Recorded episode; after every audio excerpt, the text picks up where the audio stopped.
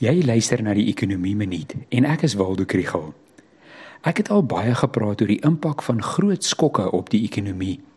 Onlangs was daar Rusland se inval in Oekraïne, die vloede in KwaZulu-Natal en inperkings in China, maar mens kan dit nog nie in die data raak sien nie.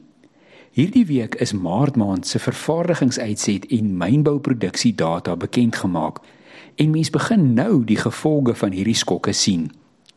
Vervaardigingsuitset was in Maart maand darm nog 0,6% hoër as in Februarie, maar in vergelyking met Maart verlede jaar was dit 0,8% laer. Die inkrimpings was in die produksie van motorvoertuie en onderdele en ook voedsel en drank. Dit was 'n soortgelyke storie in die mynbou.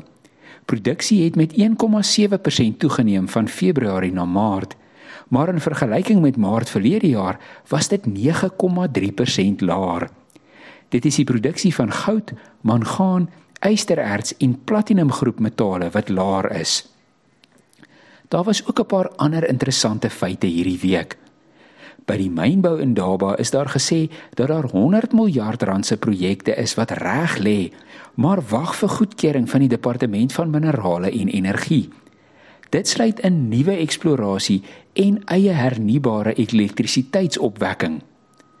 Daar is ook berig dat 40% van Suid-Afrika se uitvoerverdienste kom van minerale wat per spoor van myne na hawens vervoer word. Dit wys hoe krities dit is om Transnet reg te ruk.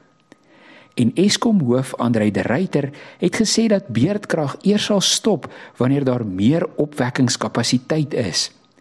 Eskom verloor opwekkingskapasiteit omdat sekere eenhede uitgehaal word vir instandhouding en omdat ander onverwags breek.